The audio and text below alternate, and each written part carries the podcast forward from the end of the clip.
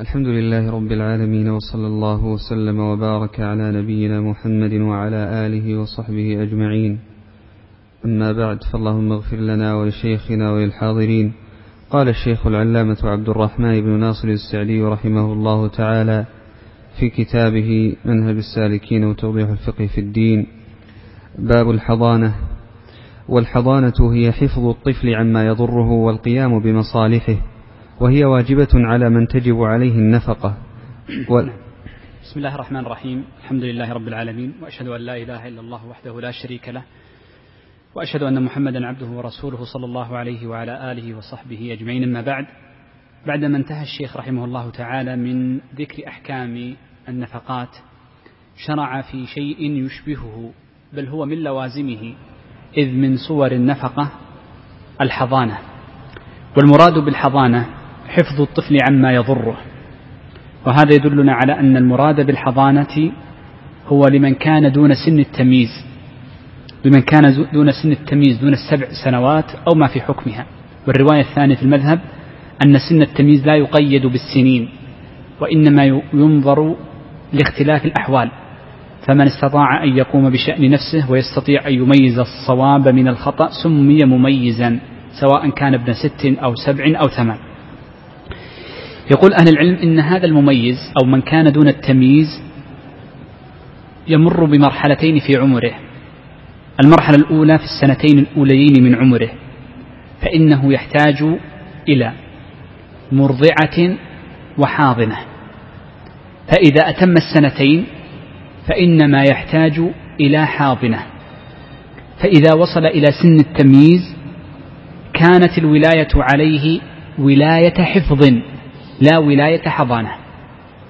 إذا الفرق بين الحضانة والحفظ نستطيع أو هذه مرحلة الحضانة نقسمها إلى ثلاثة أقسام.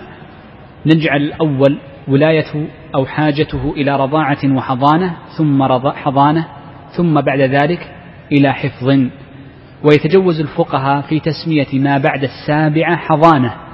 وإلا فإنه ليس بمحضون وإنما يحتاج إلى من يحفظه من الخطأ. ويعلمه الصواب والصحة. أولا يجب أن نعرف أن محل الحديث عن الحضانة في جهتين.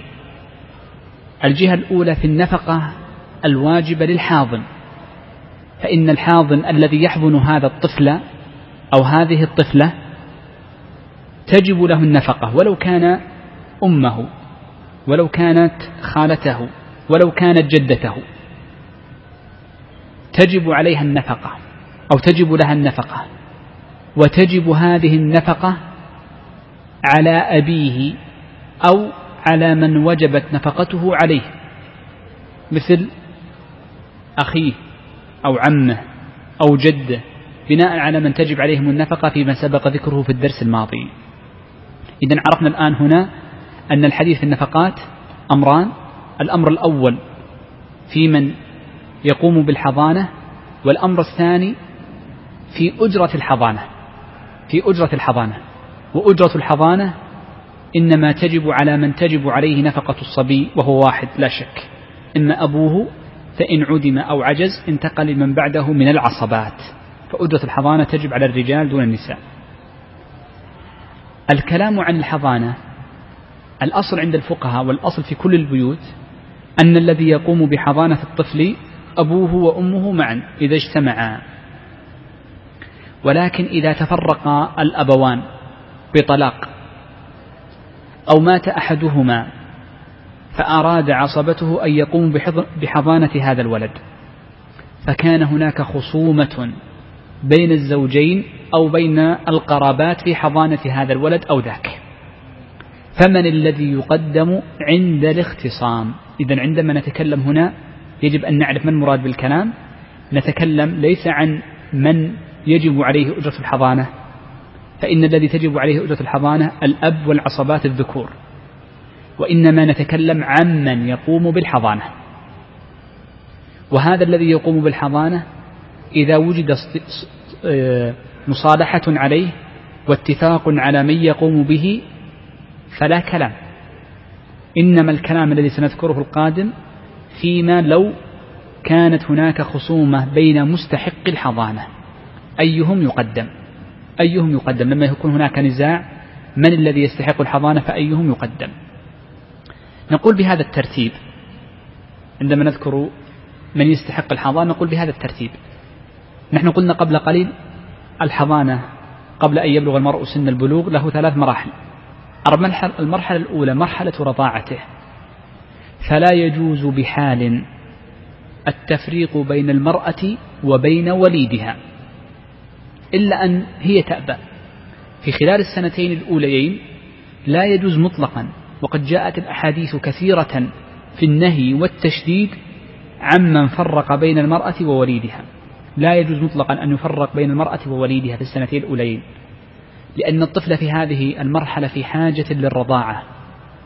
ولو كان هناك من المرضعات أو من الحليب الصناعي ما يقوم مقام أمه نقول ما يجوز للأب ولا لغيره أن يفرق بين الولد وبين أمه كائنة من كانت. ما دامت في السنتين الأولين إلا أن يكون هناك ضرر على الولد. ومثلوا لذلك بأن تكون الأم مجذومة فيها جذام مرض معدي. فقد نص الفقهاء على أن المرأة المجذومة أو ما في حكم المجذومة ينقل منها ولو كان في فترة الرضاعة لأن الرضاع ربما عندما يرتضع الولد من أمه ربما يعني انتقلت إليه العدوى. إذا هذا في السنتين الأولين.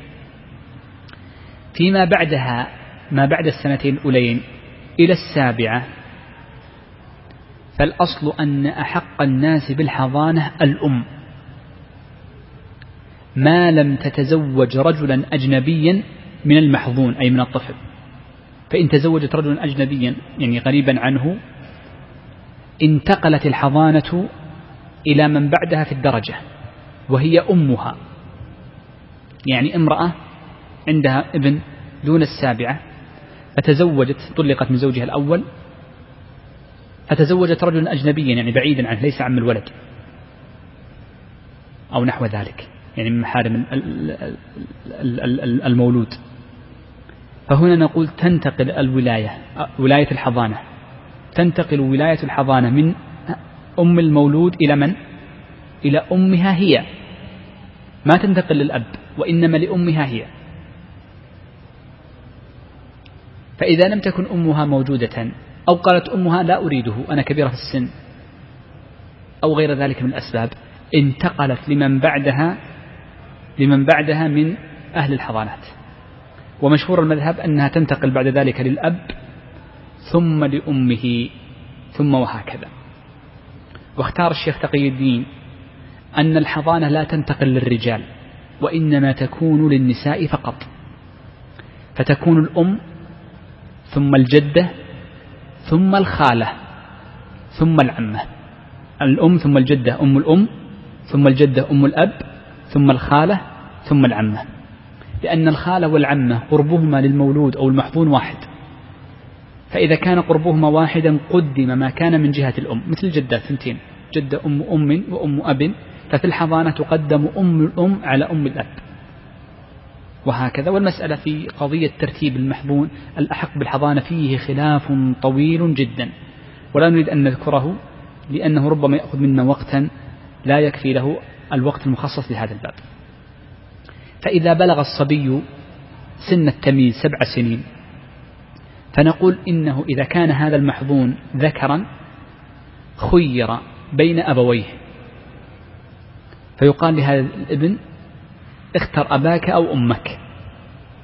وأما إن كان المحظون أنثى فالفقهاء يقولون إنه ينتقل تنتقل الولاية الثالثة هي ولاية إيش؟ الحفظ إلى الأب. إذا كانت أنثى إلا أن يتنازل يقول لا تبقى عند أمها ما في إشكال. ومن أهل العلم من يقول وهذا الذي عليه العمل في المحاكم عندنا أنه ينظر من الأصلح الأب أم الأم ويقدر القاضي من الأصلح في دينه وفي وضعه الاجتماعي والمادي وما يتعلق به وفي تعليمه ونحو ذلك فيجعله عنده فيجعله عنده. وهذا الذي عليه العمل في المحاكم عندنا وهي الرواية الثانية في مذهب الإمام أحمد وقال به عدد من الفقهاء. إذا نلخص الكلام مرة أخرى. نقول إن هذا الطفل طبعا بعد البلوغ ما يسمى طفلا. الطفل ما كان قبل البلوغ يمر بثلاث مراحل. في السنتين الأوليين لا يجوز تفريقه عن أمه مطلقا. لأن النبي صلى الله عليه وسلم نهى عن تفريق عن أمه. ولو كانت متزوجة لها الحق أن تبقي عنده إلا أن لا ترضى هي أو يكون فيه مضرة عليه كإيذاء جسدي ونحوه. إذا وصل ما لم يصل إلى السابعة فنقول أحق الناس به أمه ما لم تتزوج أجنبيا فإن تزوجت انتقلت إلى أمها فإن عجزت أو فقدت انتقل إلى جدها جد, جد المحظوم من جهة أبيه فإن عجزت أو مرضت أو لم توجد انتقلت إلى الخالة لأن النبي صلى الله عليه وسلم قال الخالة أم لما تكلم في قصة حضان المعروفة. فإن لم تكن هناك خالة انتقل إلى العمة ثم هكذا وهكذا من القرابات النساء. فإذا لم يوجد أحد من القرابات النساء التي هن في في مثابة العصبات لو كن ذكورا انتقل إلى الرجال بعد ذلك. لأن الأصل الذي يربي الطفل ليس الرجال وإنما النساء ما لم يصل إلى سن السابعة. بعد السابعة يأتي الذي ذكرت لكم بالتفريق بين الذكر والأنثى للأحاديث التي وردت في الباب. فقول الشيخ الحضانة هي حفظ الطفل عما يضره والقيام بمصالحه يعني بمصالحه المتعلقة بذاته. أما مصالحه المتعلقة بماله فليست من الحضانة. هاي تكلمنا عنها في باب الوصايا تتذكرون؟ لما قلنا إن الولايات ثلاث. ولاية مال وتذكر في باب الوصاية الموصى إليه. وولاية حضانة وتذكر في باب الحضانة. وولاية ذكروني تزويج أحسن تذكر في باب النكاح. الطفل هذا أو الطفلة الصغيرة لها ثلاثة أولياء. هؤلاء هذه الولايات الثلاثة تجتمع في شخص واحد الأب يقوم بالثلاثة. وقد تفترق فتكون لاثنين وقد تكون لواحد. قلنا دائما ولاية التزويج خاصة بال بالرجال وولاية الحضانة لغير الأبوين خاصة بالنساء وولاية المال يجوز أن تكون من النساء والرجال يجوز أن تكون أمه هي ولية ماله الطفل وهكذا. قوله وهي واجبة على من تجب عليه النفقة الذي يجب ما هو؟ قلته قبل قليل الذي يجب إنما هو أجرة الحضانة. واجبة أجرة الحضانة. فإن كان يستطيع أن يقوم بها بنفسه وإلا دفع أجرتها. قال رحمه الله ولكن الأم أحق بولدها ذكرا كان أو أنثى إن كان دون سبع نعم هذا ذكرناها قبل قليل وقلنا إن الأصوب فيها أن يقسم ما قبل السبع إلى مرحلتين. ما كان في السنتين الأوليين فتكون الأم مطلقا أحق به لعموم الأحاديث الباب وما بعد السنتين يأتي فيه التفصيل فيما لو تزوجت أجنبيا. فإذا بلغ سبعا فإن كان ذكرا خير بين أبويه فكان مع من اختار وإن كانت أنثى فعند من يقوم بمصلحتها من أمها أو أبيها. ولا يترك المحضون بيد من لا يصونه ويصلحه. نعم. هذه المسألة أيضا تكلمنا عنها وهي المرحلة الثالثة قلنا وهي إذا بلغ سبع سنين فإنه يخير الصبي المحظون إذا كان ذكرا من يختار. فإن كانت المحظونة أنثى فإنها تنتقل مع أبيها. لماذا جاء الشرع بأن الأنثى تنتقل مع أبيها؟ لمعان كثيرة. المعنى الأول أن المرأة الأنثى في الغالب أن الذي يخطبها ويتزوجها هم أهل أبيها. في الغالب أهل الأب هم الذين يريدونها ويخطبونها وينظرون إليها لأنها متساوية معهم في القرابة وفي النسب وفي غير ذلك من الأمور. فإذا أخذها الأب في مجتمعه وكانت قريبة من أهله عرفت بينهم فتزوجت. وهنا مسألة أيضا خارج عن الموضوع يسيرا. وهو أن بعض الأسر تقطع علاقاتها بقراباتها.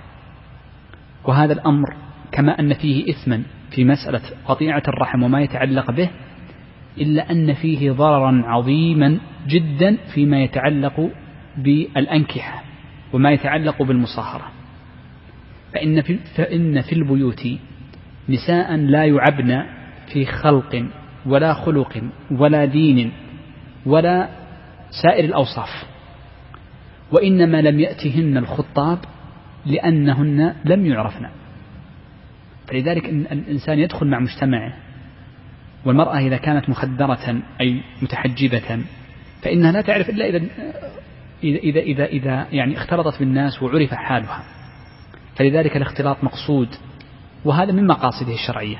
الأمر الثاني أن الناس يتعيبون من المرأة بمعنى أنه لو كان فيها بعد عن أهلها ربما يقال لو فيك خير انظر لابنتك في المكان الفلاني البعيد وهكذا.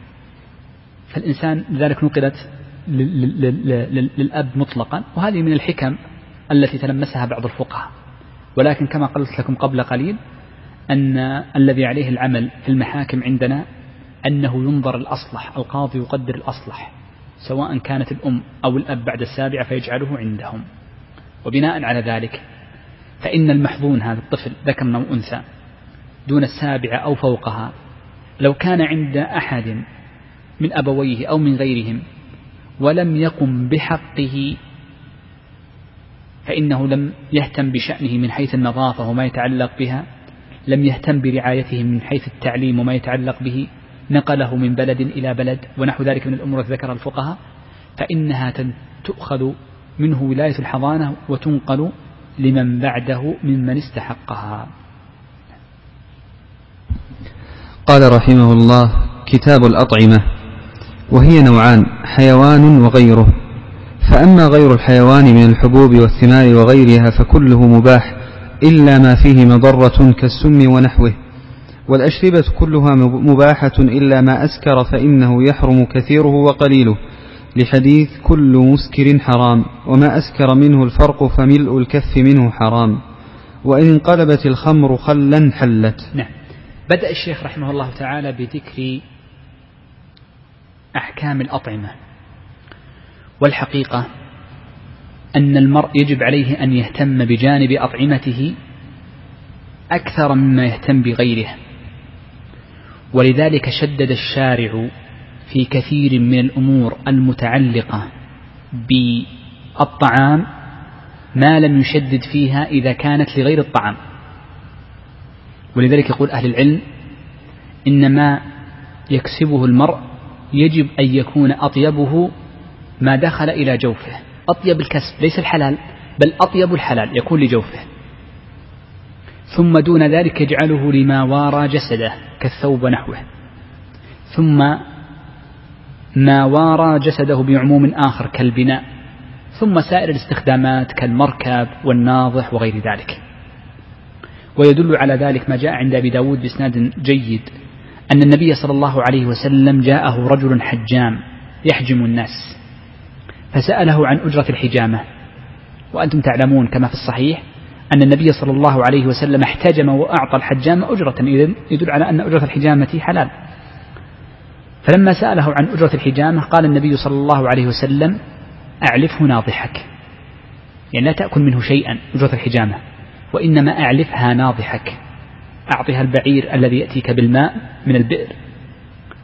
والسبب في ذلك أن الحجامة فيها وسخ ودم ومص له ففيها معنى مذموم. ولذلك نقول دائما يحرص الشخص أن لا يدخل إلى بدنه إلا أطيب الرزق. فما كان فيه شبهة؟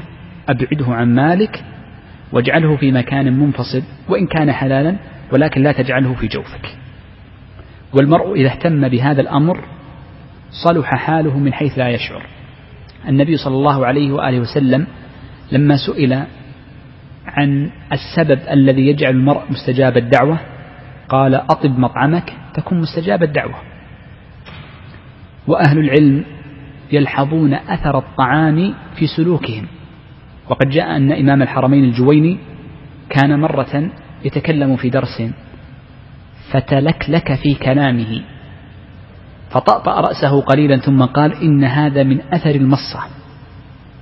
فلما قضى درسه جاءه من سأل فقال قلت ما قلت فما شأنك؟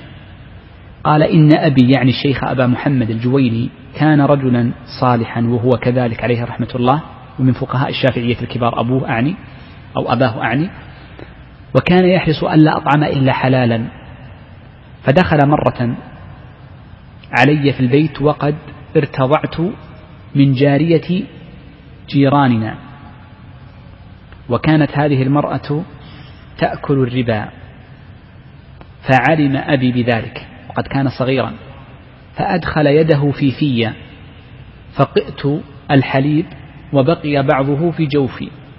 قال فأنا أرى شؤم ذلك الحليب الذي ارتضعته إلى الآن في هذه اللكلكة. فالمقصود من هذا أن المرء يحرص غاية الحرص للمطعم أطب مطعمك. اجعل الطعام أطيب رزق كسب عندك هو الذي فيه الطعام. ولذلك العناية بالطعام وما يتعلق به من الأشياء المهمة وأشياء كثيرة في الشرع تباح. لكن إذا كانت ليست طعاما بل قاربت الطعام منعت. التداوي بالشيء المحرم إذا كان دهنا الصحيح أنه يجوز ولكن إذا كان تناولا لا يجوز. تداووا عباد الله ولا تتداووا بحرام أي شربا.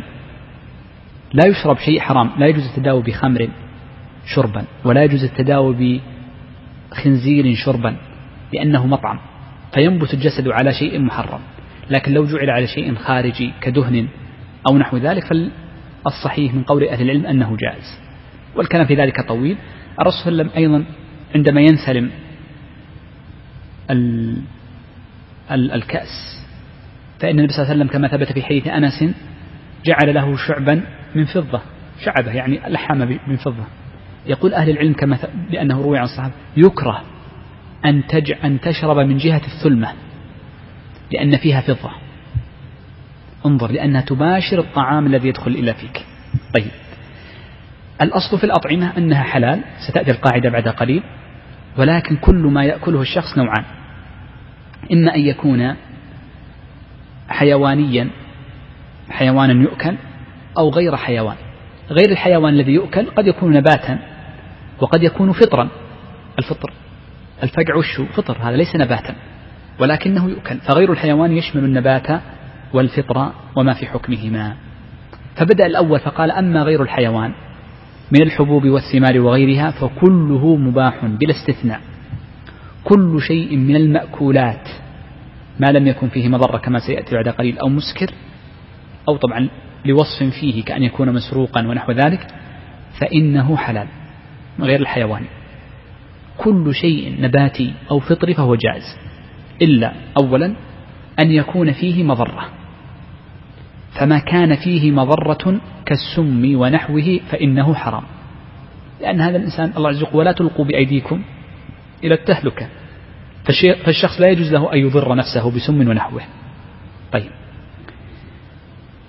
لو جاء امرؤ وقال هل يجوز أن نحرم شيئا من النباتات بحجة الاستقذار؟ بعض الناس ربما يرى نباتا معينا نفسه لا تقبله تقبل هذا النبات شكله ما أعجبه. نقول لا لا يحرم شيء من النباتات بعلة الاستقدار بإجماع أهل العلم. لكن الحيوان سنتكلم عن علة الاستقدار بعد قليل قال وأما الأشربة النوع الثاني من غير الحيواني فكل شراب حلال إلا ما أسكر فإنه يحرم كثيره وقليله لحديث كل مسكر حرام وما أسكر منه الفرق فملء الكف منه حرام. كل شراب في هذه الدنيا فهو حلال إلا أن يكون مسكرا. فإذا كان مسكرا حرم القليل والكثير سواء. لا نقول الذي يحرم الكثير الذي يسكر فقط بل ولو شرب المرء شيئا قليلا منه فإنه يكون حراما. وبناء على ذلك هناك بعض الأطعمة يجعل في تكوينها شيء من الكحول الكحول المسكر. فإننا نقول يحرم أكلها. بعض الحلويات يكون فيها ذلك. تعرفون هذا الشيء؟ تعرف يا شيخ أو ما تدري. شيخ دار إنك نايم فيك النوم. طيب. إيه متعب شكلك يا شيخ. أعانك الله. بعض بعض الأطعمة يكون فيها شيئا من مسكر. لو أكلت كرتون كامل من هذه الشوكولاتة لن تسكر. فنقول هي حرام. لأن فيها كحولا وهذا الكحول الكثير منه مسكر فتكون حراما. طيب هنا مسألة دقيقة جدا. أردت أن أبينها لمن نظر في حد المسكر وما يتعلق به سأشير لها إشارة. نحن قلنا انظر معي ما أسكر كثيره فقليله حرام. إذا جاءك شيء لأول مرة تراه خل.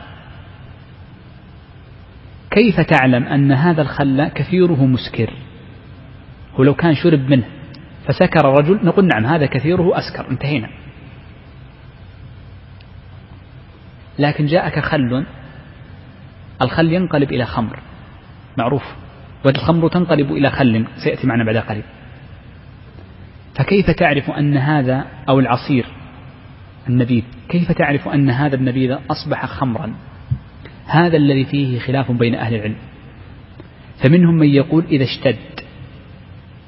فالاشتداد علامة أن كثيره يسكر.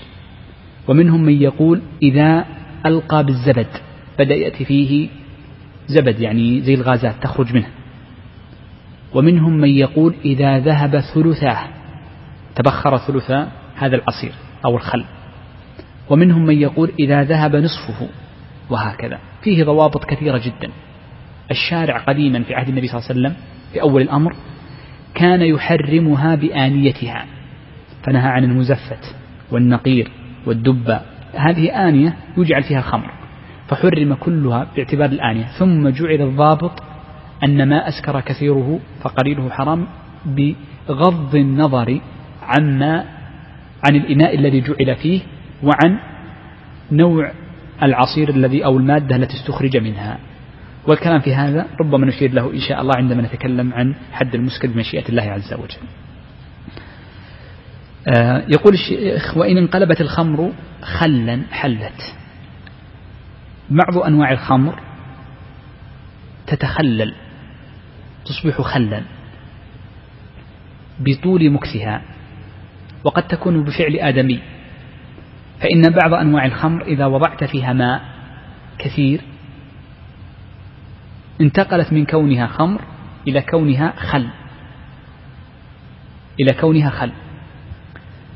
فهل إذا تخمر إذا تخللت الخمر جاز شربها أم لم يجوز؟ نقول نعم يجوز لكن بشرط. ألا تتخلل بفعل الآدمي. ما يجوز. إذا تخللت بفعل الآدمي لا يجوز استخدامها ولو كان الآدمي غيرك. انتبه. الخمر إذا تخللت إيش معنى تخللت؟ انقلبت إلى خل. إن كانت من الله عز وجل وحدها رجل يعني كان عنده خمر. اكتسبه بطريق مباح بمعنى أنه كانت عنده خل ثم انقلبت إلى خمر. فأبقاها يومين ثلاثة ثم انقلبت رجعت إلى خل مرة أخرى. أو طريقة يفتحون الغطاء أو بطريقة معينة لا أعلمها. فرجعت خلا مرة أخرى هنا تملكها بطريق مباح لأنها انقلبت عنده الخل إلى خمر ثم رجعت خلا. هنا انقلبت وحدها فيجوز له استخدامها خلا يأكل منها ويجوز له أن يبيعها. لكن لو تعمد هو أن يخللها أخذها وضعها في الظل أو في الشمس أو كشفها هو قصده عشان تنقلب هذه الخمر إلى خل أو زاد عليها ماء نقول حرام. ما يجوز استخدامها. طيب لو وجدت شخصا قد خلل الخمر نقول ما يجوز لك أن تشتريها منه لأن كسبه لها حرام فهي إعانة له على حرام نعم سم مو واضح؟ نعم.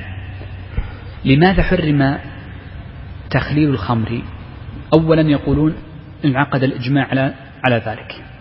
وجاء الحديث الصريح الصحيح عن النبي صلى الله عليه وسلم في النهي عنه. ما العلة فيها؟ العلة فيها لكي لا تكون ذريعة لتملك الخمر. وأن تعرف أن الشارع في أحاديث النبي صلى الله عليه وسلم بعضها جاءت أحاديث كثيرة من النبي صلى الله عليه وسلم محرمات من باب سد الذريعة. فإذا زالت الذريعة ذهب الحكم. متى تزول الذريعة؟ إذا تخللت وحدها. فهي من باب سد الذريعة لكي لا يتملك الناس الخمر. إذا وجدت عند شخص بعد ذلك لو قلنا أنه يجوز كل من عنده خمر ليش عندك الخمر؟ لا أنا بزيدها موية وأخليها خل.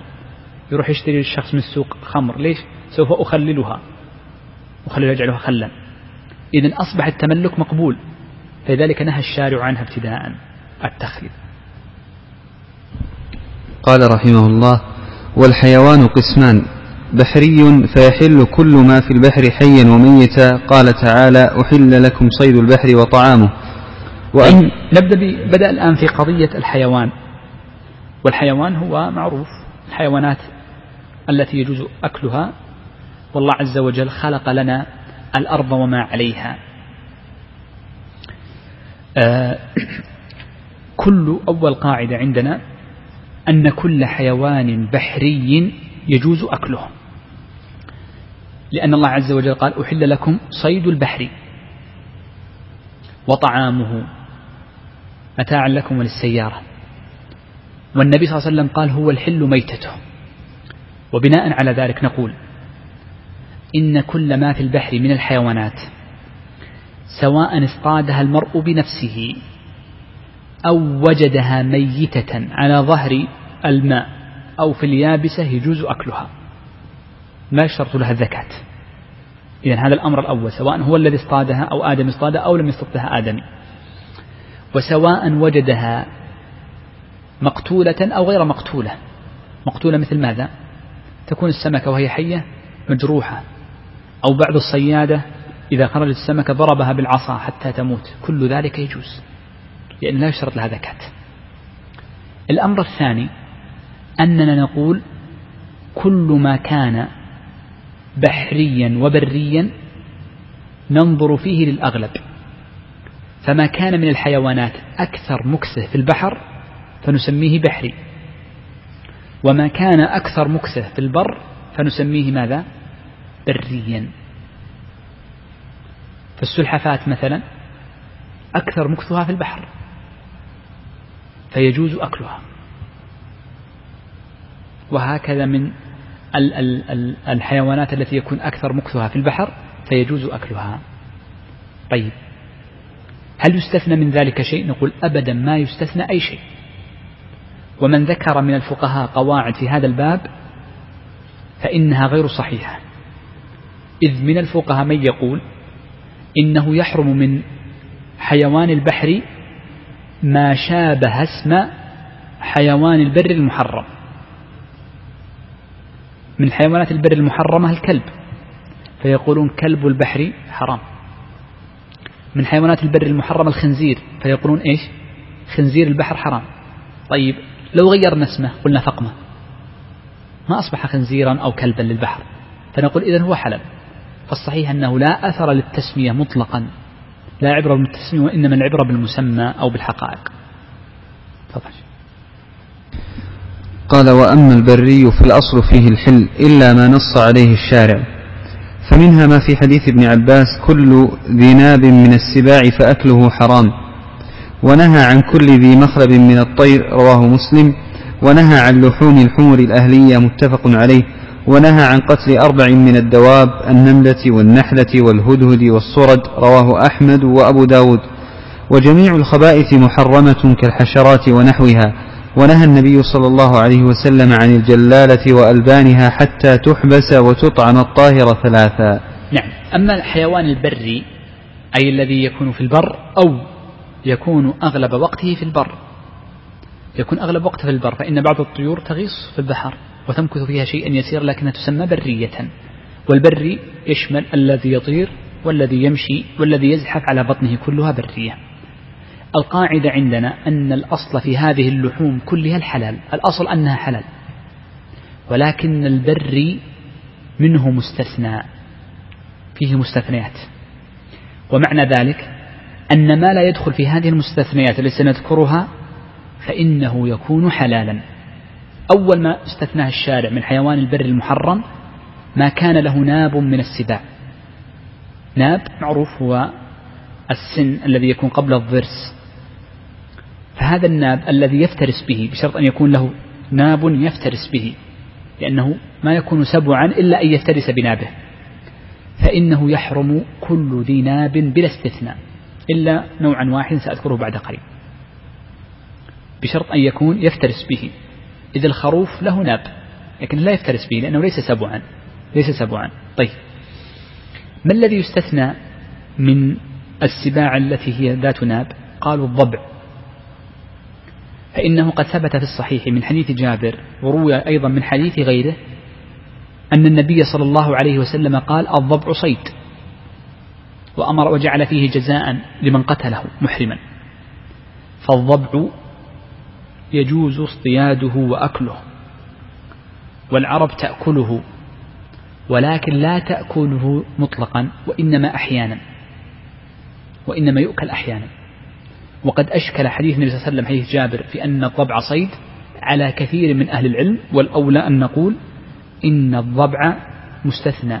لأنه كان مما يتطبب به العرب قديما. وإلى عهد قريب فإنه كان أهل البوادي وأهل القرى يتطببون في الضب بأكل لحم الضبع في بعض الأمراض. فلعل الشارع أباحه لأجل ذلك والعلم عند الله عز وجل. القاعدة الثانية هو تحريم كل ذي مخلب من الطير. ونقول مخلب أيضا يخلب يفترس به. كالنسور والصقور وما في حكمها فإنه كلها تحرم. ليس لأنها تأكل اللحم لا. وإنما لأن لها مخلبا تفترس به. وإنما لأن لها مخلبا تفترس به. الأمر الثالث الذي نهي عنه لحم الحمر الأهلية. الحمر جمع حمار والمراد بالحمر الأهلية أي التي تربى في البيوت. فما يربى في البيت يسمى أهليا وما لم يربى في البيت يسمى عكس الأهلي الوحشي الحمار الوحشي. والمقصود بالحمار الوحشي في لسان العرب ليس هذا الحيوان المخطط فإن هذا الحيوان المخطط لا يعرفه العرب مطلقا وإنما هو حيوان أفريقي موجود في وسط أفريقيا وليس موجودا في جزيرة العرب. الحمار الوحشي عند العرب إنما هو نوع من الغزلان. أظنه الوضيحي أو غيره من أنواع الغزلان. فهو نوع من الغزلان وهذا يسمونه الحمر الوحشية. هذه يجوز أكلها وذاك الذي في وسط أفريقيا المخطط يجوز أكله بناء على القاعدة العامة من الحل أنه يجوز الأكل. ولكن الذي ورد في أحد وسلم وأخبار العرب في الحمر الوحش الوحشية فإنها نوع من الغزلان. طبعا وتحريم الحمر الوحشية كان يوم خيبر وقبل ذلك كان عفوا تحريم الحمر الأهلية كان يوم خيبر وقبل ذلك كان حلالا وحرمت. ما يجوز أكل الحمار مطلقا الحمار الذي يركب المعروف. القاعدة الرابعة أن عندنا قاعدة فقهية أن نقول فيها أن كل حيوان حرم قتله حرم أكله. كل حيوان حرم قتله حرم أكله. مثاله ما جاء في الحديث الذي رواه أحمد وأبو داود أن النبي صلى الله عليه وسلم نهى عن قتل النملة. إذا النمل كل ما يسمى نملا صغيرا أو كبيرا يحرم أكله. وعن النحلة النحل لا يجوز أكله. وعن قتل الهدهد فالهدهد ولو اصطاده المرء لا يجوز أكله. وعن الصرد الصرد هذا حيوان معروف وما زال في لهجتنا الدارجة سميه صرد هكذا من باب التخفيف. وهو موجود حيوان له منقار يأكل يعني الدواب الصغيرة ونحو ذلك. موجود معروف في البر ويعرفونه أهل الصيد. هذه لا يجوز صيدها قتلها. فلما نهي عن قتلها حرم أكلها قاعدة. هناك أمر خامس. جاء الحديث بالنهي عن قتله وبناء على ذلك يحرم أكله وهو الضفدع. فإن الضفدع جاء حديث عند أبي داود والعمل عليه وإن كان في إسناده مقال نهي عن قتلها لأنها تسبح لأنها تسبح. فالضفدع لا أعلم يعني الآن في ذهني أحد أهل العلم أباح أكلها. أهل العلم يقولون إنها محرمة الأكل لأنها ماذا؟ قاعدة منهي عن قتلها. ما يجوز تقتل الضفدع إذا رأيت ضفدعا لا لا تقتلها. من باب أولى أو من باب التبع عفوا لا يجوز أكلها. نعم عشان الوقت يا شيخ. خلي بعد شوي. شوي أنا جالس بعد. طيب إذا هذا الأمر الثاني. انظر هذه القاعدة اقلبها. اقلب القاعدة. ما أمر بقتله. في أشياء أمر بقتلها ليس كذلك الحي يجوز أكله؟ لا يجوز أكله أيضا. إذا ما نهي عن قتله وما أمر بقتله لا يجوز قتله. لا يجوز أكله. لا يجوز أكله. مثل ماذا؟ ذكروني. ما الذي لا الذي أمرنا بقتله؟ أمرنا بقتل الحية أنا جبتها عشان ما أغششكم. والفأرة وهي الفويسقة والعقرب لا يجوز أكلها إضافة لمضرتها والغراب لا يجوز يشرع قتله ولا يجوز أكله والحدأة والوزغ. ستة أشياء. جاء الشرع إذا رأيتها اقتلها في الحل والحرم. خمس فواسق يقتلن في الحل والحرم. طيب. الأمر الأخير قال جميع الخبائث أي الأشياء التي تستخبث. تستخبث. وهذه القاعدة نتكلم عنها. عندما قلنا الخبائث المراد بقاعدة الخبائث أن تكون مضرة. ولا نفع فيها. وليس المراد بالخبائث أن يستخبث. بعض الناس يكره الكره هذا الاستخباث. هذه القاعدة عند الشافعي وبعض الفقهاء يقولون إن ما يستخبثه العرب ما يستخبثه العرب محرم. هذا غير صحيح. بدليل أن الرسول صلى الله عليه وسلم وهو أكرم الناس فطرة. كره أن يأكل الضب لأنه ليس في أرضه فإن الضب يأتي في المناطق الرملية ولا يخرج في المناطق الجبلية. والرسول صلى الله عليه وسلم كان مكيا ومكة إنما هي منطقة جبال ليست منطقة رمل فكرهها فدل على أن كره النفس ليس محرما وإنما العبرة بما يضر وما فيه وما لا نفع فيه وما لا نفع فيه كالحشرات الذباب وغير ذلك من الأمور ممنوعة. ويقولون من باب يعني رد قول أبي من من من قرر إن إن العرب يعني ليس استكراههم حجة أن بعض الفقهاء الذين أدركوا القرن الثاني وأدركوا بعض الأعراب في ذلك الزمان كانوا يقولون إن بعض الأعراب كذا يقولون بس هذا خارج عن الدرس يأكلون الفأر. فكانوا يقولون إن رؤبة بن الحجاج يأكل الفأر. هل العرب تأكل الفأر؟ تأكل شيئا آخر ما هو؟ يشبه الفأر لكن ذيله طويل. الجربوع هؤلاء لا يعرفون الجربوع ولكنه نظرا لأنه فيه شبه من الفأر ولا اختلاف في يديه وفي قدميه وفي أكله حتى. فلما رأوا رؤبة بن العجاج وغيره يأكل قالوا يعني يأكل الفأر؟ هو لا يأكل فأرا وإنما يأكل جربوعا أو يربوعا وقد جاء الحديث صريحا في إباحة أكله. فالجربوع يجوز أكله أو الجربوع يجوز أكله. نعم باقي الجلالة نسيناها. الأمر الأخير أنه نهي عن أكل الجلالة. والجلالة هي التي تأكل الخبائث. تأتي الجلالة تأتي حيوان بقرة أو ناقة أو خروف أو دجاجة فتأتي في المزبلة وتأكل الزبائن. أو تأتي في لحم نجس ميتات فتأكل منها. هذه تسمى جلالة. أكلت هي شيئا خبيثا. هذه لا يجوز أكلها لحمها ولا يجوز شرب لبنها لأن مأكلها خبيث. لكن الشرع يقول يجوز تناول أكله تناول لحمها وشرب لبنها إذا طاب مطعمها مدة كثلاثة أيام ونحوه والصحيح أنها لا تقيد ثلاثة أيام وإنما يختلف بنوع بنوع الحيوان فالدجاج يكفي في ثلاثة أيام البقر ما يكفي في ثلاثة أيام بالكاد أسبوع يقولون سبعة أيام ومثله يقال في الإبل فهي تختلف من اختلاف الحيوانات في حجمها. قال رحمه الله باب الذكاة والصيد.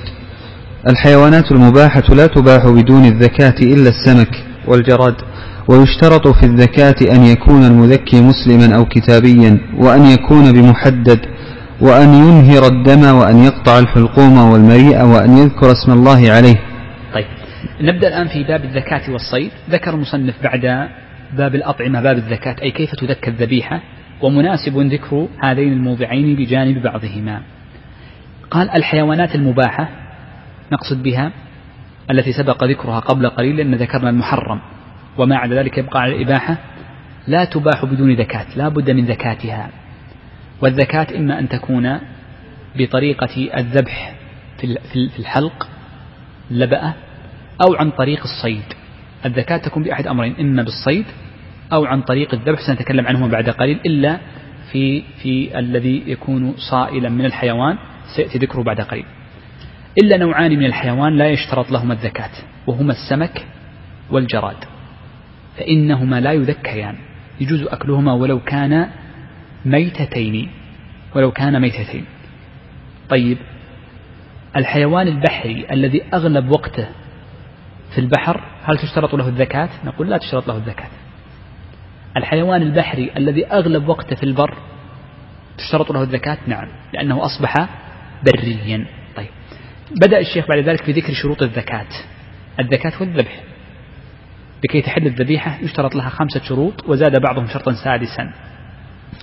الشرط الأول أنه لا بد أن يكون الذابح مسلما أو كتابيا لأن الله عز وجل أحل لنا طعام أهل الكتاب ونساءهم. فلذلك المراد بطعامهم أي ما ذبحوه لا ما طبخوه.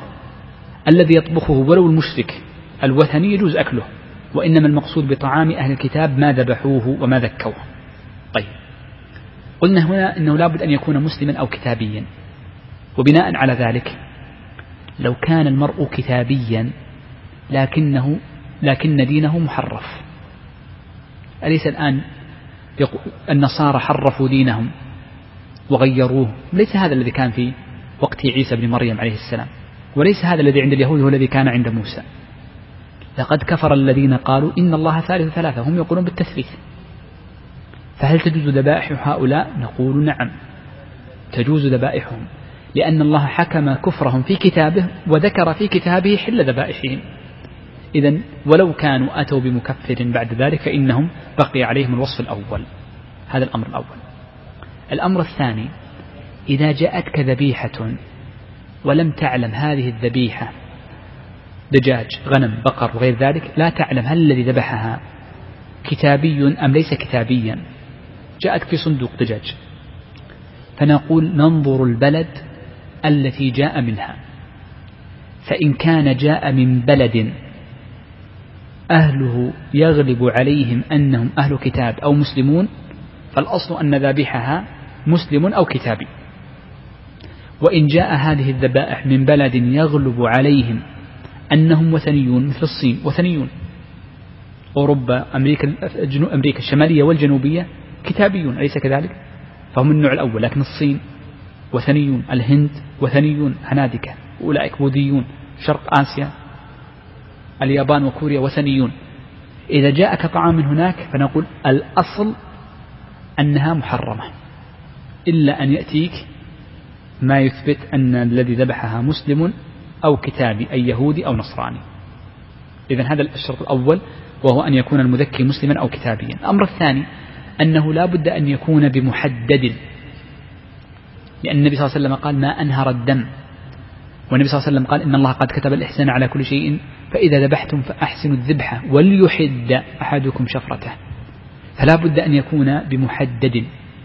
وبناء على ذلك لو أتى امرؤ لصيد وقف على صيد مثل مثل نقول عصفور ثم أخذ هذا العصفور وبحصاة قطع رقبته بحصاة. وهذه الحصاة ليست بمحددة كالصفاء وإنما ثقيلة قطع رأسه ينقطع بسهولة تعرفونه. كنا صغارا وكنا نجرب هذا كثيرا. جربت شيء؟ جرب هذه؟ طيب. هل يجوز أكله أم لا؟ مو قطعنا الودجين والحلقوم قطعنا رأسه كله. ليس بمحدد. هذا عند من يرى المحدد لأن فيه تعذيبا. طيب. الأمر الثالث طبعا المحدد ينهى عن محددين. ما خلا السن والظفر فلا يجوز أن تذبح بظفرك. ولا يجوز أن تذبح بسن. ولو سن سن يعني مفصول في فيك أو مفصول عن فيك. كلها لا تجوز. كلها لا تجوز. فإذا لم يجوز الذبح بالسن ولا بالظفر فإن الذبيحة حرام مباشرة. لو أتيت بعصفور وذبحته بسن بظفرك نقول هذه غير مذكاة ميتة لا يجوز أكلها. وهكذا. الأمر الرابع أن ينهر الدم. لا بد من خروج الدم. ما أنهر الدم فكل. الأمر الرابع لا بد أن يقطع الحلقوم والمريء. وهذه مهمة. ال ال ال الذكاة. انتبه لهذا الضابط. الذكاة لا بد أن تكون في الحلق. الحلق في اللبأة من أول الحلق إلى أول الجذع. كل ذبح في غير هذا الموضع لا يسمى ذكاة. إذا نقول يجب أننا نقول لا بد من شرطه أن يكون في محله. ماشي معي؟ طيب. الذي يقطع هنا لا يقطع الرقبة كاملة. لا يلزم هذا الشيء. بالعكس جاء النهي عن قطع رقبة الذبيحة مباشرة. بل تصبر حتى تبرد وتستقر روحها ثم بعد ذلك تكسر رقبتها. ما الذي يقطع في الرقبة؟ أربعة أشياء. الحلقوم وهو مجرى إيش؟ الهواء. والمريء وهو مجرى الطعام. والودجان العرقان الذي أحدهما يصعد والآخر ينزل. ما يمكن. باقي كثير وقت. طيب. يقول انتهي ما استطيع طيب. آه اللهم صل على محمد. إذا هذه أربعة أشياء. الودجان والحلقوم والمريء. الفقهاء يقولون من قطع اثنين من قطع الحلقوم والمريء مع واحد من الودجين فقد تحقق به الزكاة. ومن الفقهاء من يقول من قطع اثنين من أربعة اثنين من هذه الأربعة والحقيقة أنه لا يمكن قطع اثنين من هذه الأربعة إلا ولا بد أن يقطع منها أحد الودجين لا يمكن جرب. لا يمكن أن تقطع المريء وال وال وال وال والحلقوم بدون أن تقطع أحد الودجين فدل ذلك على المعنى الأول وهو وهو أحد الودجين مع واحد من الثلاثة الباقية. مع واحد من الثلاثة الباقية هذا رأي الفقهاء مذهب الحنابلة. واختار الشيخ تقي الدين وهو الأقرب لظاهر النص أنه ما أخرج الدم وإن لم ينقطع الحلقوم والمريء فإنه يكون ذكاة. ما يلزم قطع الحلقوم والمريء. مجرد قطع الودجين أو أحد الودجين يكفي. طبعا هو الودجين لأن لو كان ودجان مقطوعان يسهل خروج الدم بكثرة. مما لو كان ودجا واحدا وهكذا. الأمر الخامس والأخير وهو أن يذكر اسم الله على على على على الذبيحة المذكاة. والذبيحة المذكاة لا بد من ذكر اسم الله عز وجل عليها. لأن قول النبي صلى الله عليه وسلم قال ما أنهر الدم وذكر اسم الله. والله عز وجل يقول ولا تأكلوا مما لم يذكر اسم الله عليه. وما لم يذكر اسم الله عليه عز وجل على ثلاثة أنواع. النوع الأول ما تعمد ترك ذكر اسم الله عليه. واحد وهو يذبح قيل اذكر اسم الله قال لا مو بلازم. فذبحه ونقول هذه الذبيحة حرام لا يجوز أكلها. وإن لم يذكر اسم غير الله عز وجل عليها لأنه لم يذكر اسم الله عليها. الحالة الثانية أن يجهل الحال. جاءتنا ذبيحة ذبحها مسلم أو كتابي لكن لا نعلم أنه ذكر عليها أم لم يذكر. فهذه التي عناها النبي صلى الله عليه وسلم في حديث عائشة لما سئلت لما سألته عن عن عن عن الذبائح تأتيهم ولا تعلم أذكر اسم الله عليها أم لا قال أذكر اسم الله عليه وكلي. فأنت تذكر اسم الله عند الأكل ويكفي. الحالة الثالثة عندما ينسى المرء ذكر اسم الله. وهذه كثير تحدث الكثير من الناس. فهل يجوز أكل هذه الذبيحة أم لا؟ الجمهور وهو الصحيح أنه يجوز أكلها ما لم يتعمد.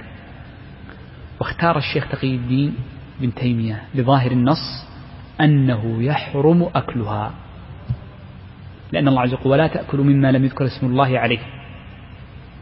ما قال متعمدا وإنما مطلقا. والحقيقة أن يعني هذا فيه مشقة واضحة بينة. ومن عرف الذابحين وحالهم وانشغالهم يعلم أنهم ربما ينسون التسمية وإن كان عازما عليها قبل قليل. هناك شرط سادس لابد أن نعرفه. الشرط السادس وهو قصد الذبيحة قصد الذبح قصد الذبح. فمن لم يقصد الذبح فإنه لا تحل ذبيحته. وقصد الذبح ما معناه؟ يعني لو أن امرأ رمى سكينا. فإذا بهذه السكين قد أصابت ودجي شاة. وخرج الدم منها. هل يجوز أكلها؟ نقول لا. ولذلك لا بد من إضافة هذا الشرط السادس وهذا مهم جدا وكان يقرر عليه الشيخ تقي الدين العديد من المسائل. قال وكذلك يشترط في الصيد إلا أنه يحل بعقله في أي موضع من بدنه. نعم. الصيد كمل كمل شيء ومثل الصيد ما نفر وعجز عن ذبحه. وعن رافع بن خديج مرفوعا قال ما أنهر الدم وذكر اسم الله عليه فكل ليس السن والظفر. أما السن فعظم وأما الظفر فمدى الحبشة. متفق عليه. نعم. قال وكذلك يشترط في الصيد أي الشروط الخمسة فيشترط أن يكون الذي اصطاد أطلق الرصاص أو الكلب مسلما أو كتابيا وأن يكون الذي أطلق على الصيد محدد كالسهم أو كالرصاص ونحو ذلك لا يرميه بعصا. الأمر الثالث لا بد أن يكون هناك قد خرج منه دم. بعض الناس يرى عصفورا ميتا من صيده فلا يرى فيه أثرا لخروج الدم من أي موضع من جسده. فنقول حرام. ما لم ترى فيه دما خارجا فمعناه أنه قد ضربه بمعراضه أي السهم فلا يجوز أكله. الأمر الخامس أنه لا بد من ذكر اسم الله عز وجل أو الرابع من ذكر اسم الله عز وجل على الإطلاق ولا بد من قصد الإطلاق. فلو أن امرأ معه مسدس فانطلقت منه رصاصة من غير قصد فأصابت صيدا نقول لا يجوز أكل هذا الصيد لأنه لم يقصد إطلاق عليه. الذي يستثنى في الصيد شيء واحد أنه لا يشترط أن يكون إنهار الدم من محله وهو الحلق اللبأة وإنما يكون من أي موضع في جسده. هذا إذا لم تدركه حيا. وأما لو أدركت الصيد حيا فيجب عليك ذكاته يجب عليك ذكاته طيب. هناك شيء إحنا قلنا الصيد يكون للأهلي ولا للوحشي الوحشي هو الذي يصاد. الأهلي ما يصاد.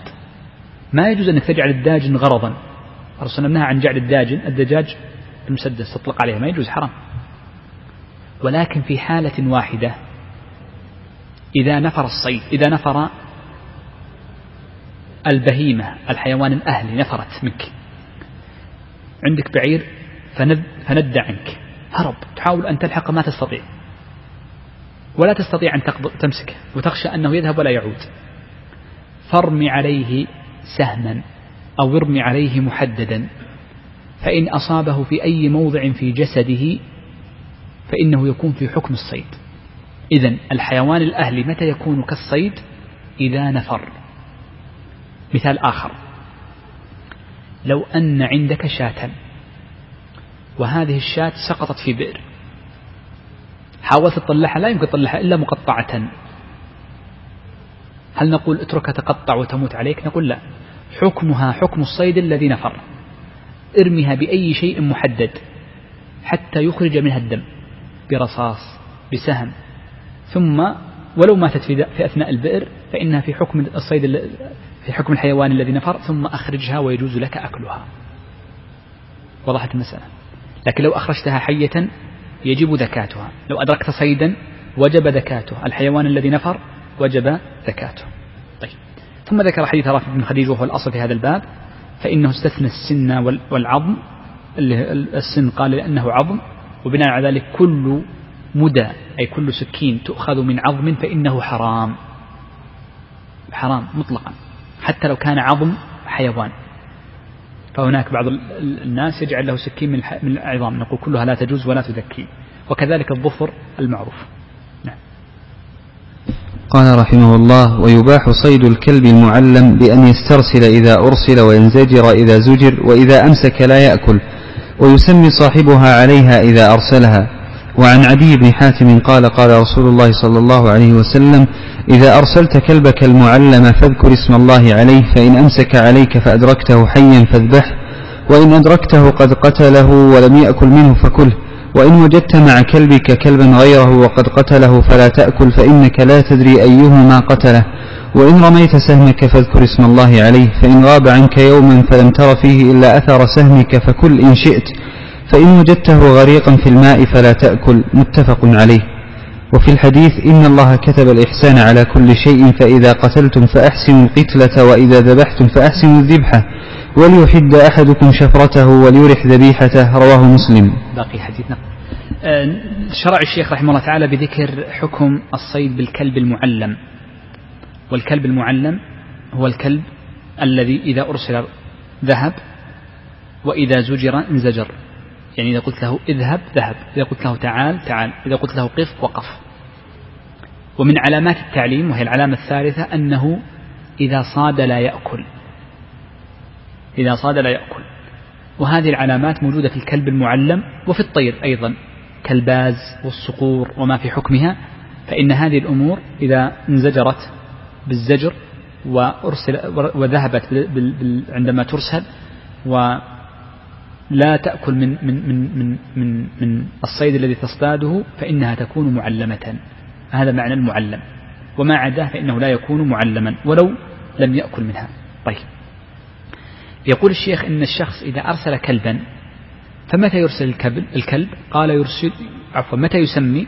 قال يسمي إذا أرسله. إذا أطلق الكلب قال بسم الله قد لا يصطاد إلا بعد نصف ساعة.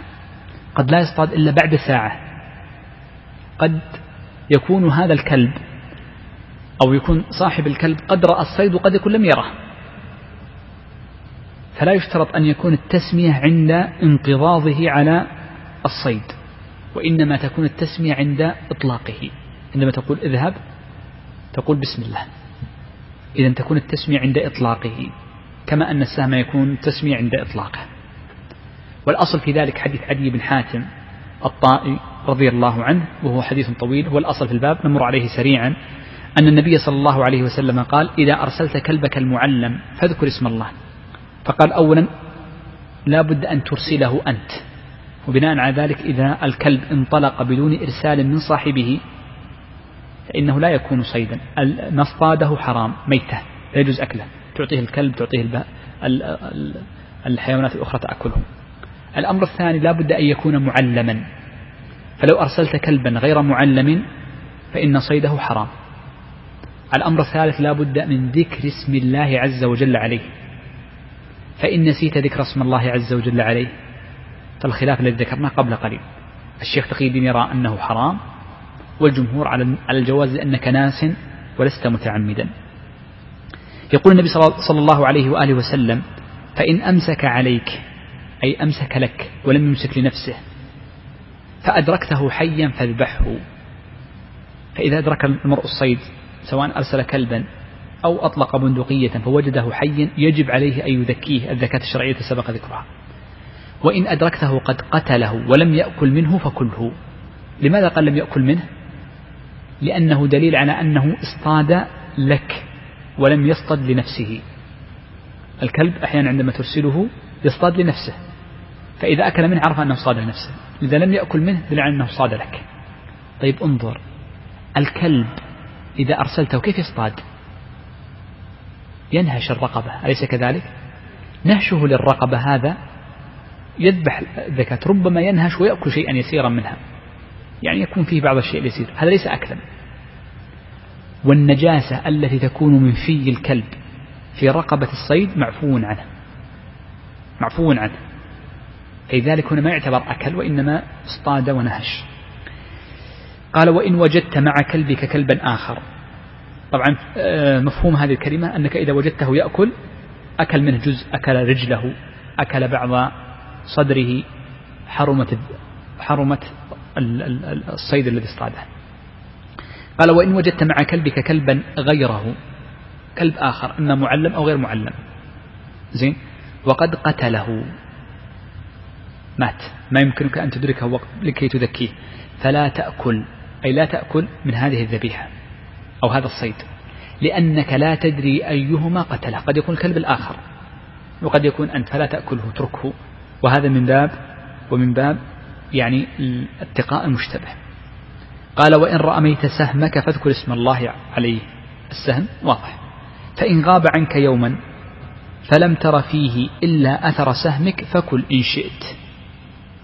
يعني ذهب عنك السهم وذهبت فترة ثم رأيت صيدا حمامة مثلا أو طيرا ولم تجد فيه إلا أثر سهمك أنت ليس سهم غيرك. فيجوز لك أن تأكل منه.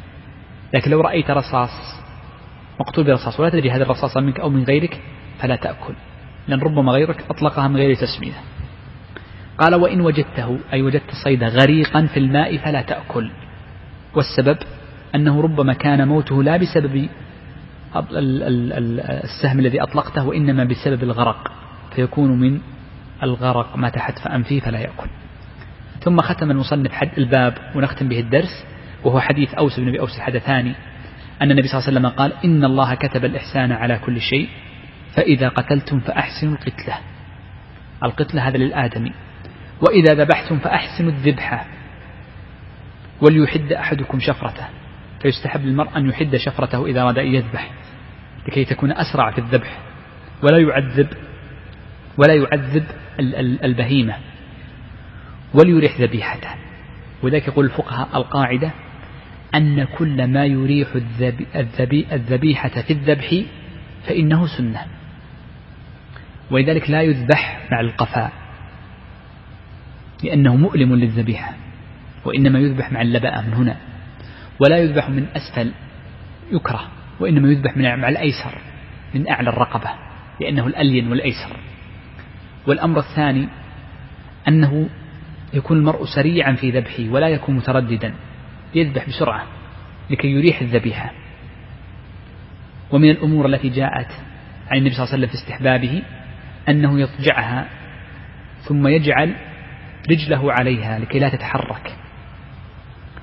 ومما جاء النبي صلى الله عليه وآله وسلم في استحبابه ألا تكسر رقبتها. قد كره الفقهاء أيضا لأن فيها تعذيبا للذبيحة قبل أن تسكن حركتها فإذا سكنت حركة الذبيحة وذهبت حركتها من الذبح جاز لك أن تكسر رقبتها وأن وأن تسلخ جلدها. قبل ذلك ما يجوز. وبعض الذابحين يسلخ بسرعة يقول إنه يكون أيسر لأن الذبيحة تكون حارة. هو أيسر عليك لكنه منهي عنه شرعا. كذلك جاء الحديث بالنهي عن ذبح الذبيحة والأخرى تنظر إليها وغير ذلك. نختم بالحديث الأخير. وقال صلى الله عليه وسلم ذكاة الجنين ذكاة أمه رواه أحمد. نعم هذا الحديث آه، هو ثابت عن النبي صلى الله عليه وسلم أنه قال ذكاة الجنين ذكاة أمه. وقد روى المحدثون هذا الحديث بصيغتين. فبعضهم يقول ذكاة الجنين ذكاة أمه. مبتدأ وخبر وبعضهم يقول ذكاة الجنين ذكاة أمه. فينصبها على الحالية. والصحيح عند المحدثين النطق الأول دون الثاني. معنى الأول وما معنى الثاني؟ لما نقول ذكاة الجنين ذكاة أمه أي إذا ذكيت الأم فإن ابنها قد ذكي بذكاتها. عندما تذبح الشاة فإذا شققت بطنها وجدت فيه جنينا صغيرا أو كبيرا يجوز لك أن تأكله. لماذا؟ لأنه مذكى بذكاة أمه أليس كذلك؟ فيجوز لك أن تأكل ما في بطنها. العجيب أن الشرع يقول ذلك. وبعض الناس يقول ذبحت ذبيحة وكثير يسألني هذا السؤال. يقول ذبحت ذبيحة فوجدت في بطنها جنين هل يجوز أن أكل الذبيحة؟ الشرع يقول يجوز أن تأكل الجنين أصلا. وصاحبنا هذا يسأل عن إيش؟ عن الذبيحة وهو كثير فيبدو أنه عند بعض الناس عنده شك عندما يرى الجنين. من قال إن ذكاة الجنين ذكاة أمه أي يذكى كذكاة أمه. فلا يجوز أكل الجنين حتى تخرجه وفيه حياة مستقرة ثم تذبحه بقطع اثنين من أربعة. أي ذكرناها قبل قليل. والصحيح الأمر الأول وهو الذي فهمه الصحابة رضوان الله عليهم ونقله المحدثون. فإن الجنين إذا ذكيت أمه ذكاة شرعية جاز أكله مطلقا سواء كان تخلق أو لم يتخلق صغيرا أو كبيرا. انتهينا بحمد الله عز وجل من كتاب الأطعمة. أسأل الله عز وجل جميع التوفيق والسداد. الأسبوع القادم إن شاء الله نبدأ بكتاب الأيمان والنذور ونتبعه ببعض من كتاب الجنايات ويبقى لنا درس واحد فقط. بعد الدرس القادم سيكون أول أسبوع من السنة القادمة. سيكون أول أسبوع من السنة القادمة. نختم في هذا الكتاب بمشيئة الله عز وجل. هذا هذا الدرس الأخير هذا ضيع علينا هذه الإجازات الأسبات التي أصبح فيها غياب. لعل الله يسر بإذن الله عز وجل إن شاء الله. بإذن واحد سم شيخي. فبقي لنا درسين نختم الكتاب بمشيئة الله عز وجل. سم؟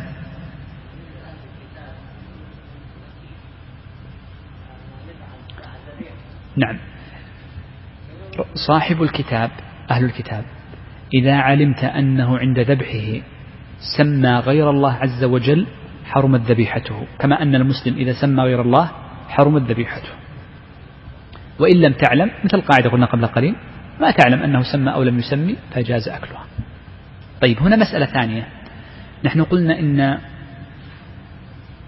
شروط الزكاة خمسة أو ستة. أهمها التي هي الظاهرة يعني لغير المذكي أن يكون مسلما أو كتابيا وأن يكون ماذا؟ قطع الحلقوم والمريء أو اثنين من أربعة أو أنهر الدم فقط. ذكرنا الخلاف هذه الثلاثة آراء. عندما يأتيك دجاج أو لحم من الخارج تكلمنا أول شيء عن كيف نعرف المسلم والكتاب من غيره أليس كذلك؟ انتهينا منها. كيف نعرف أنها ذكيت زكاة شرعية أو من غير زكاة شرعية؟ هل لابد أن يكون عليها ختم حلال؟ سؤال ما رأيكم؟ جاءك دجاج من فرنسا جاءك دجاج من أمريكا اللاتينية برازيل والأرجنتين عرفنا أولا أنها بلاد أهل الكتاب. انتهى الشرط الأول. كيف نعرف أنها ذكيت؟ ربما صعقت ربما غرقت.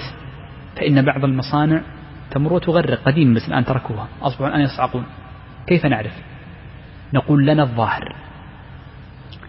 فانظر في هذه الذبيحة. إن وجدت رأسها منفصلا عن جسدها جاز أكلها. بناء على أن الأصل ذلك. وإن رأيت رأسها متصلا بجسدها فيحرم أكلها ولو ألصق عليها حلب. إذا العبرة بالظاهر. فتكون حلالا بناء على ذلك. الصعق في الغالب أنه يكون نوعان صعق وتبقى معه نسبة من الحياة. ثم يمر على الذبح الآلي فيذبح. هذا في إشكال يجوز. وصعق لا يكون قطع الرأس إلا بعد الوفاة هذا هو الممنوع.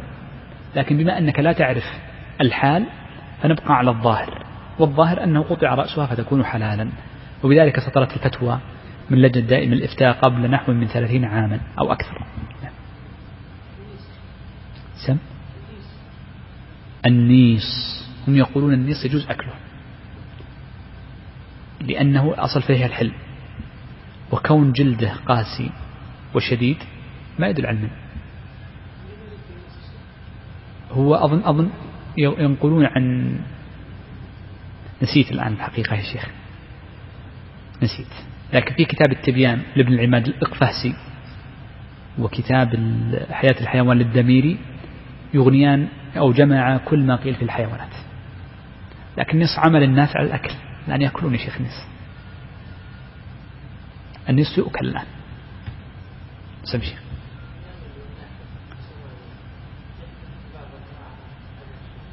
هل يجوز؟ قاعدة. إذا آذى جاز قتله بدليل سليمان عليه السلام. ألم يقتل من آذاه؟ ولكن النملة إنما قالت لها هل لا نملة واحدة؟ فمن يؤذي يقتل. لكن بالترتيب أولا احرص على الاستعاذة بالله عز وجل. ولذلك جاء هناك ما يسمى برقية النملة. فقد جاءت عن بعض الصحابة ابن ابن عباس وكان نقل عبد الله بن أحمد عن الإمام أحمد أنه فعلها.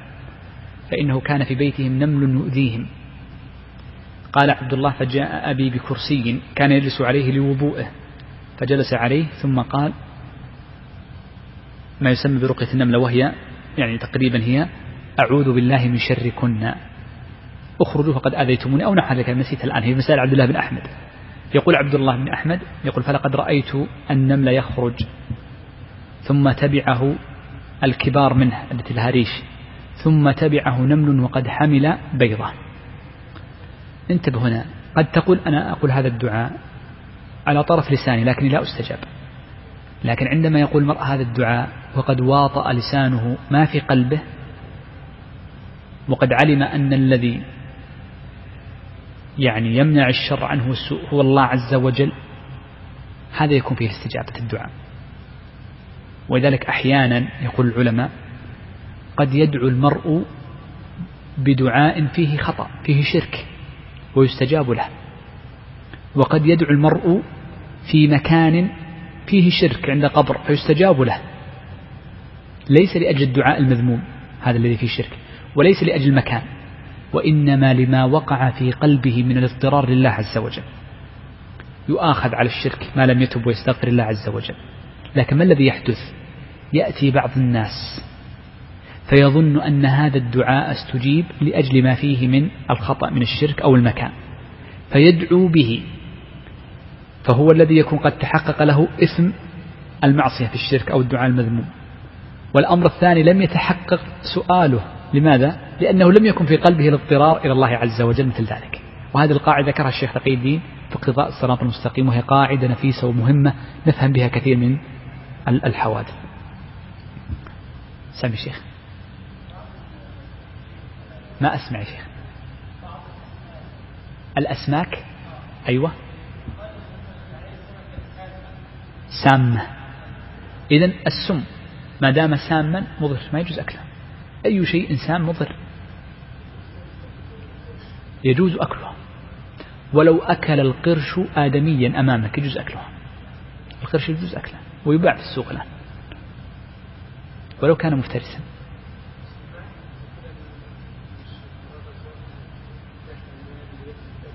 ذات النيب الناب والمخلب إذا كانت في البر. البحر ما ندخل قلت قبل قليل ولو كان مفترسا. في شيء؟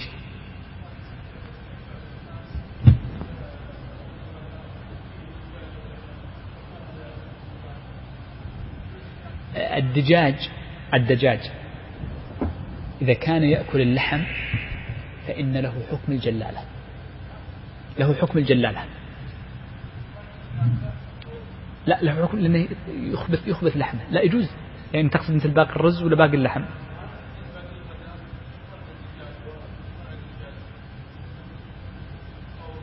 ياكل ياكل الدجاج لحم؟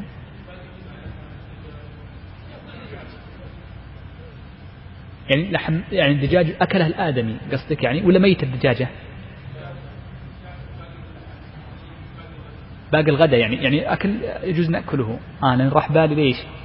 لأن بعض مصانع الدجاج أو مصانع مزارع الدجاج آه، يجعلون في طعام الدجاج بعض الأشياء الحيوانية لكي يكون فيها هرمونات عقلة طبيعية يضعون بعض الدم يجعلون هذه ما تجوز فتكون لها حكم الجلالة إنها نجسة لكن الذي نأكله حيوان طاهر أليس كذلك؟ الدجاج تأكله طاهر فإذا أكلته فيكون طاهر ما في إشكال زي ما تأكل الدود تأكل الدود هذا طاهر لكن اللي تأكل الزبائل الأشياء النجسة الميتة الدم هذه جلالة السلام عليكم ورحمة الله وبركاته.